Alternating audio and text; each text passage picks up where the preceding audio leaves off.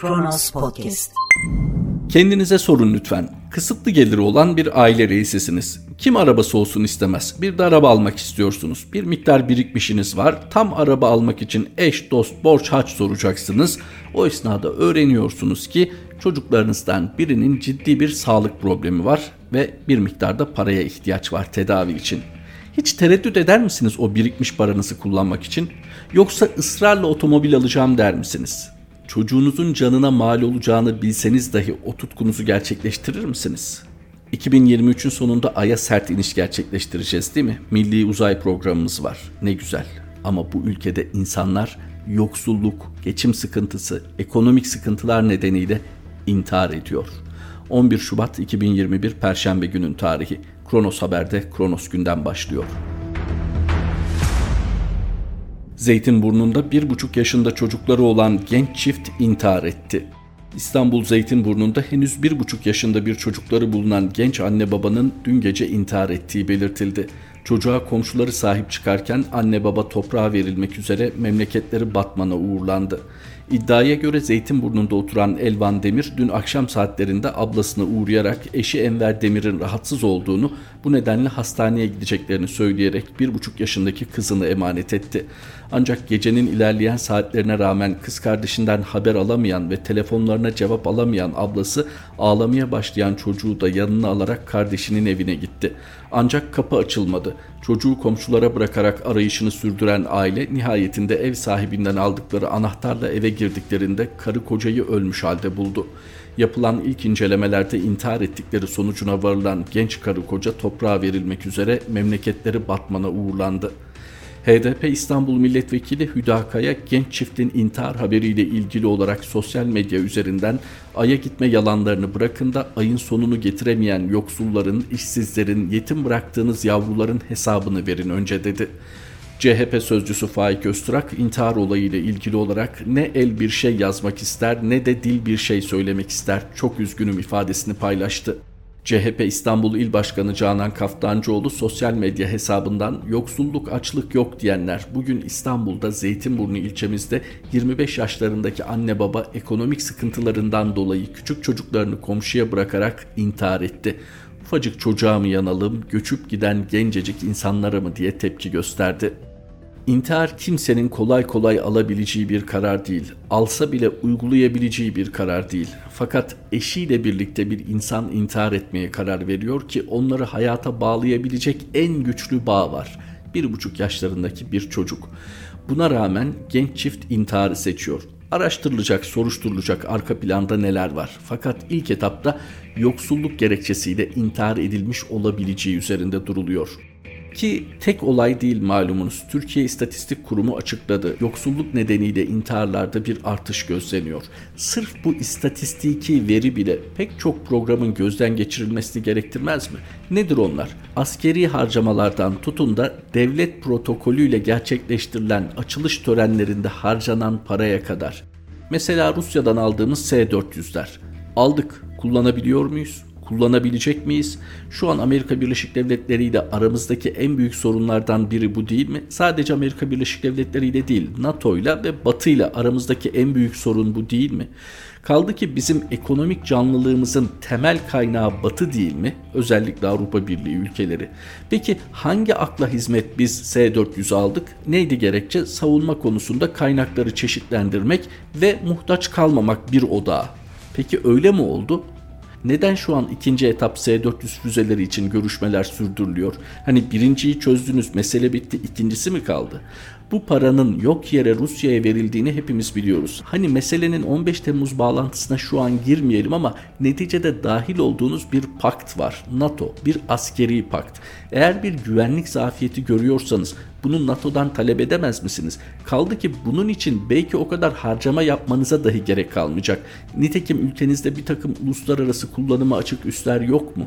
Aynı şekilde bir hava savunma sistemi getirtilemez miydi? Hani kendimizi kandırmayalım. Obama yönetiminden Patriot istedik ama onlar vermedi. NATO çatısı altında bir talepte bulunmak, bunu NATO'nun gündemine getirmek başka, Türkiye olarak istemek başka.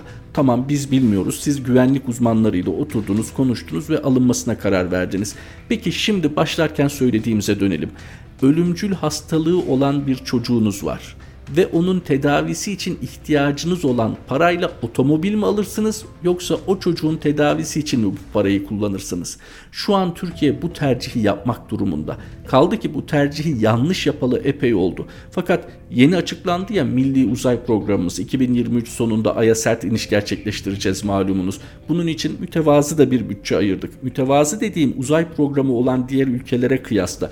Yoksa ülke açısından o kaynağın aktarılabileceği hatta acilen aktarılması gereken bir alan var. Nedir o alanda?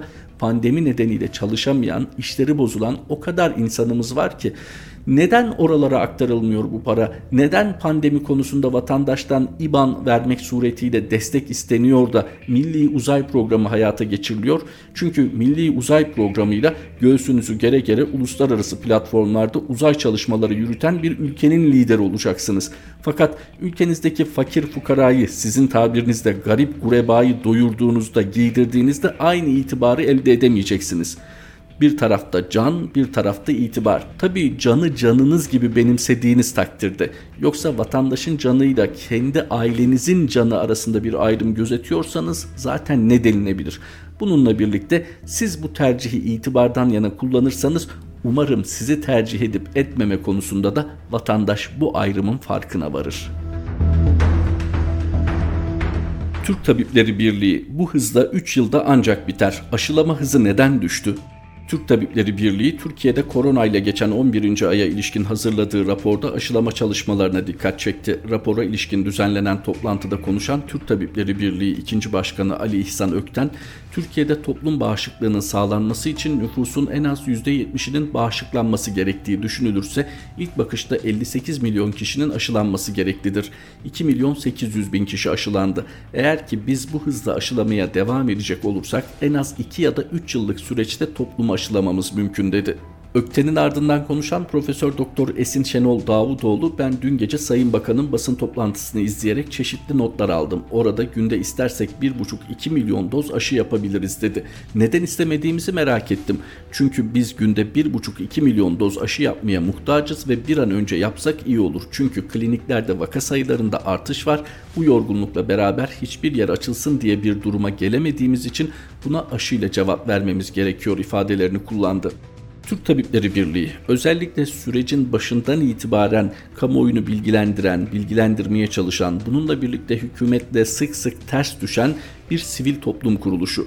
Türk Tabipleri Birliği bu çabalarından dolayı maalesef hükümet tarafından zaman zaman bir takım ithamlara da maruz kaldı. Oysa Türk Tabipleri Birliği çalışmış, doktor olmuş, okumuş ve kendi işlerinin ötesinde bir de demiş ki biz devletin yükünü paylaşalım, toplum sağlığına gönüllü katkı verelim.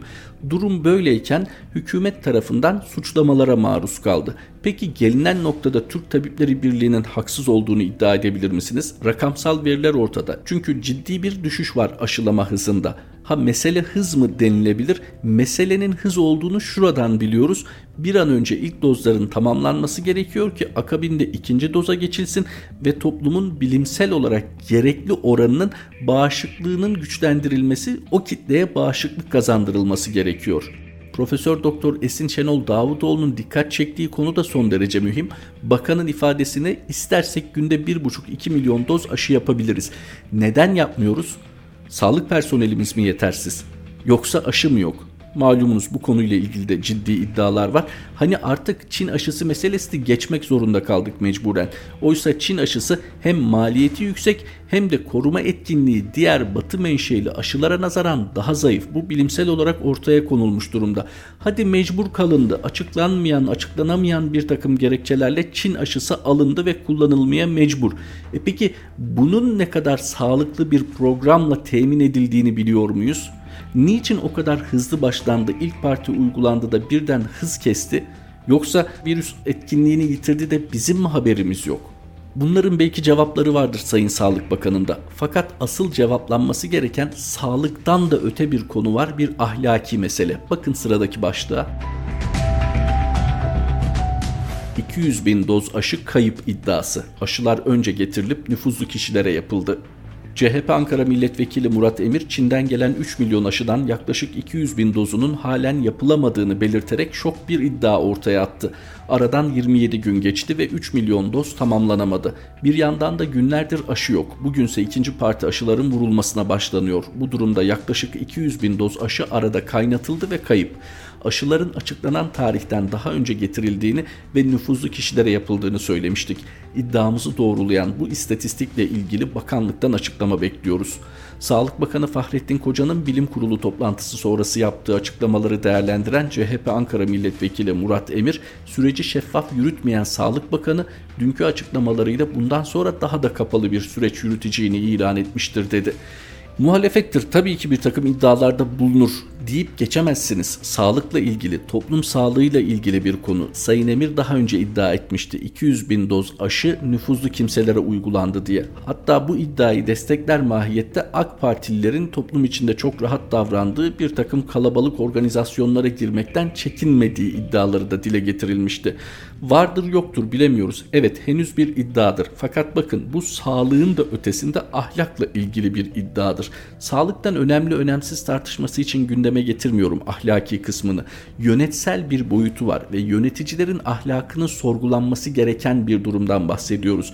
Bakınız 83 milyon nüfusu olan bir ülkeyiz. Bununla birlikte bir takım fiziki sorunlar olabilir. Maddi sorunlar da olabilir. Yani aşılamanın yürütülmesinde zaman problemi çıkabilir, temin problemi çıkabilir süreci planladıktan sonra uygulamada çıkacak bir takım sorunlar için tamam kimsenin söyleyecek bir sözü olmayabilir. Fakat zaten bu tür sorunlara karşı çözüm kabiliyetiniz oranında da siyaseten tercih edilirsiniz ayrı bir parantez. Fakat sürecin planlanması aşamasında yani aşıların pazarlığı yapıldı, parası ödendi, temin takvimi oluşturuldu Diyor ki Sayın Emir 200 bin doz aşı daha önce geldi ve nüfuzlu kimselere yapıldı. Şimdi ülke genelinde karşılaşılan ve karşılaşılabilecek problemleri bir kenara bırakalım, buraya odaklanalım. Ortada bu iddia varken Sayın Sağlık Bakanı'nın yapması gereken şu değil miydi? Kameraların karşısına geçip rakamları ortaya koyup ne münasebet siz beni neyle itham ediyorsunuz? Ben burada dururken 200 bin nüfuzlu kişinin aşılanması mümkün mü diyebilmeliydi dedi de biz mi kaçırdık? Bakınız risk grupları diye bilimsel olarak bir tasnif yapıldı. Öncelikli olarak onların aşılanması gerekiyor hayati tehlike itibarıyla. Hatırlayacaksınız gerek test kitleri konusunda gerekse de aşı konusunda her ikisinin de gündeme geldiği ilk zamanlarda sosyal medyada bir takım görüntüler dolaşıyordu. O zaman ne denilmişti? Çin'de piyasada satılıyor bunlar isteyen alabilir. Mesele sadece para değil bakınız aşının bulunması belli bir süreç aldı. Aşının bulunması uluslararası organizasyonlar gerektirdi. Yani herhangi birinin sadece parayı bastırıp elde edebilmesinin ötesinde bunu alabilecek nüfuza sahip olması gerekiyor. Şu an işte Sayın Emir'in iddiası bu açıdan vahim, bu açıdan ahlaki bir soruna işaret ediyor. Sayın Sağlık Bakanı çıkıp rakamlar ışığında bunu açıklayabiliyor mu? Açıklamalı. Ya ne olmuş 200 bin kişi de aşı olmuş fena mı olmuş işte bir ay sonra olacağına şimdiden olmuş denilebilecek bir durum değil. Eğer böyle bir durum varsa ve bu 200 bin doz aşının acil risk gruplarına uygulanması gerekirken onlar hayatını kaybetmişse bunun adı cinayettir. Kılıçdaroğlu'ndan Berberoğlu açıklaması. Mutluyum, Türkiye adına üzülüyorum. CHP Genel Başkanı Kemal Kılıçdaroğlu Enis Berberoğlu'nun Anayasa Mahkemesi kararıyla yeniden meclise dönmesini sonuçta galip olan adalet. Enis Bey geldi, mutluyum, sevinçliyim ama Türkiye adına da üzülüyorum şeklinde değerlendirdi. Kılıçdaroğlu Bolu'da esnafla kanaat önderleriyle bir araya geldi. Kılıçdaroğlu Anayasa Mahkemesi'nin kararından sonra Enis Berberoğlu'nun yeniden parlamentoya dönmesiyle ilgili soruyu cevapladı. Berberoğlu'nun parlamentoya dönmesinin memnuniyet verici bir şey olduğuna işaret eden Kılıçdaroğlu, adalet açısından zaten bu gerekiyordu. Öbür türlü zaten facia olurdu. Ama süreci gözden geçirdiğimizde Sayın Berberoğlu beraatla müebbet arasında yargılandı. Düşünün bazı mahkemeler beraat, bazı mahkemeler müebbet cezası verdi. Düşünün nasıl bir yargı, nasıl bir anlayış, nasıl bir etkilenme. Politik gücü de görüyoruz burada ama adaleti de görüyoruz. Sonuçta galip olan adalet. Enis Bey geldi mutluyum, sevinçliyim ama Türkiye adına da üzülüyorum. Böyle bir tablo keşke hiç yaşanmasaydı. Enis Berberoğlu malumunuz gazeteci en son Hürriyet gazetesi genel yayın yönetmenliğini yürütüyordu ve CHP saflarından siyasete katıldı, milletvekili oldu milletvekilliği düşürüldü, hapis cezası aldı, içeride yattı, çıktı, hakkını aradı ve nihayet Anayasa Mahkemesi kararının uygulandığına şahit olduk. Zira malumunuz bazı kritik konularda Anayasa Mahkemesi yokmuş gibi davranılıyor. Yerel mahkeme adeta meydan okuyor kararlarıyla o kararı tanımayarak oysa burası bir hukuk devleti ve ülkenin en üst yargı organı Anayasa Mahkemesi ki onun için ne diyoruz yüksek mahkeme. Fakat böyle olmuyor uygulamada. Mevcut sistemin kurucuları, inşa edicileri Anayasa Mahkemesi'nden gelse dahi mahkeme kararı istedikleri gibi değilse bunu görmeyebiliyorlar ve hiç çekinmeden de bu karara saygı duymadıklarını söyleyebiliyorlar. Ama sıradan bir vatandaşın böyle bir lüksü var mı? Kanun hükmünde kararnameyle ihraç edilmiş bir öğretmen ben bu kararı tanımıyorum gidiyorum yarın işime devam ediyorum ayın 15'inde de maaşımı isterim diyebiliyor mu? Eğer bir öğretmenin böyle bir hakkı yoksa ya da Şırnak Adliyesi'nden ihraç edilmiş bir zabıt katibinin böyle bir lüksü yoksa kusura bakmayın ama Cumhurbaşkanı'nın da olmamalı, bir milletvekilinin de olmamalı, hükümetin de olmamalı, muhalefetin de olmamalı. Hasılı bir hukuk devleti ise burası hukuk karşısında herkes eşit haklara sahip olmalı. Peki Anayasa Mahkemesi'nin Berberoğlu kararının uygulanması Türkiye açısından, Türkiye'de hukukun geleceği açısından umut verici mi? Çok tartışılır. Çünkü malumunuz Kasım başı itibariyle gerek Adalet Bakanı gerekse Sayın Cumhurbaşkanı bir reform ortaya atmıştı söylem itibariyle. Söylemde kaldı sadece. Eyleme geçilemedi bir türlü. Zaten konu tekrar hatırlatılacak olsa işte geldi rötuşları yapıyoruz. Son hazırlıktayız. Kamuoyuyla paylaşacağız. Mutlaka kamuoyuna bir şeyler sunulacak. Ama belki de gündeme gelen değil Cumhurbaşkanı tarafından birden gündeme getirilen yeni anayasa meselesi de belki topluca bu reform meselesine bir cevap mahiyetindedir. Nedir o? Bizi böyle ufak tefek işlerle uğraştırmayın. Biz bir sivil anayasa hazırlayacağız ki bre breh breh breh 12 Eylül askeri idaresinin 82 anayasasından kurtulacağız gibi gibi çıtayı yükseltmek olarak da düşünülebilir. Gerçi bu konuda ellerinde yeterince imkan vardı. Kutuplaşmanın bu kadar derin olmadığı ortamda muhalefetle bu işi daha kolayca görüşmesi mümkündü. Fakat şunu anlıyoruz ki Sayın Cumhurbaşkanı başta olmak üzere Cumhur İttifakı'nın yeni anayasa gibi bir dertleri yok. Bunun en büyük göstergesi mevcut anayasaya duyulan saygıdır mevcut anayasanın hükümlerine ne kadar uyuyorsunuz ki yeni anayasa getirdiğinizde onun hükümlerine uyacağınızdan emin olalım. Kaldı ki hazırladığınız yeni anayasanın uygun bir anayasa olmayacağını nereden bilelim? tartışmalı, dizayn edilmiş yargı tartışmalarının ötesinde burada muhalefetin de şapkayı önüne koyup düşünmesi gerekiyor. Özellikle Kılıçdaroğlu yönetiminde CHP'nin buna bir kaba tabirle gaza gelmek mi dersiniz yahut da iktidarın oyununa gelmek mi dersiniz ama milletvekili dokunulmazlığının kaldırılmasının bu kadar kolaylaştırılmasının iyi sonuçlar vermediği zaten kendi partisinde bizatihi yaşanarak öğrenildi. Öte yandan HDP'lilerin suçu ne? HDP'li milletvekilleri şu an içeride. Eski HDP eş genel başkanları şu an içeride. Bakınız HDP'yi bir terör örgütünün yanına konumlandırmak sizin siyasi sorumluluğunuzu ortadan kaldırmaz. Demokrasinin size yüklediği sorumlulukları ortadan kaldırmaz anayasanın ve yasaların tanzim ettiği meşru bir zemin üzerinde yükselen siyasi partiyi sizin keyfiniz istedi diye kapattırmak demokrasinin neresine sığar? Nasıl sığdırırsınız bunu demokrasi anlayışına? Ve burada üzücü olan diğer muhalif partilerin de aynı oyuna geliyor olması. Kendilerinin milliyetçilikleri tescilli olduğu için ki buna kusura bakmasınlar ama rejimle uyumlu olmakta diyebilirsiniz rahatlıkla HDP'yi yarın bu başka bir partide olabilir. Dışlayabiliyorsunuz. Böyle bir lüksünüz yok. Çünkü buna ne İyi Parti karar veriyor ne CHP karar veriyor. Buna anayasa karar veriyor. Ve HDP de anayasal gerekliliği yerine getirmiş bir parti olarak siyaset sahnesine çıkmışsa saygı duymak Evet ittifak yapıp yapmamak sizin bileceğiniz iş ama buna saygı duymak ve diğer partiler kadar onun saygınlığını da gözetmek durumundasınız. Bunu yapmadığınız takdirde yarın başınıza gelecekler konusunda feryat edemezsiniz. Etseniz de bir anlamı kalmaz. Hasılı kelam Berberoğlu için gösterilen ya da gösterilmeyen mücadele ziyadesiyle Demirtaş ve diğer HDP'liler için gösterilmelidir demokrasiden söz edeceksek. O kadar da duyurusunu yapmıştı. İzleyin beni demişti. Sayın Cumhurbaşkanı'ndan bahsediyorum. Müjde verecekti ya hani. E kurumsal bir açıklama da gelmedi. Oysa iletişim başkanlığı var Cumhurbaşkanlığının. Herhalde daha çok merak etmemizi istiyorlar. Kronos gündemin sonuna geldik. Kronos Haber'de tekrar buluşmak üzere. Hoşçakalın. Kronos Podcast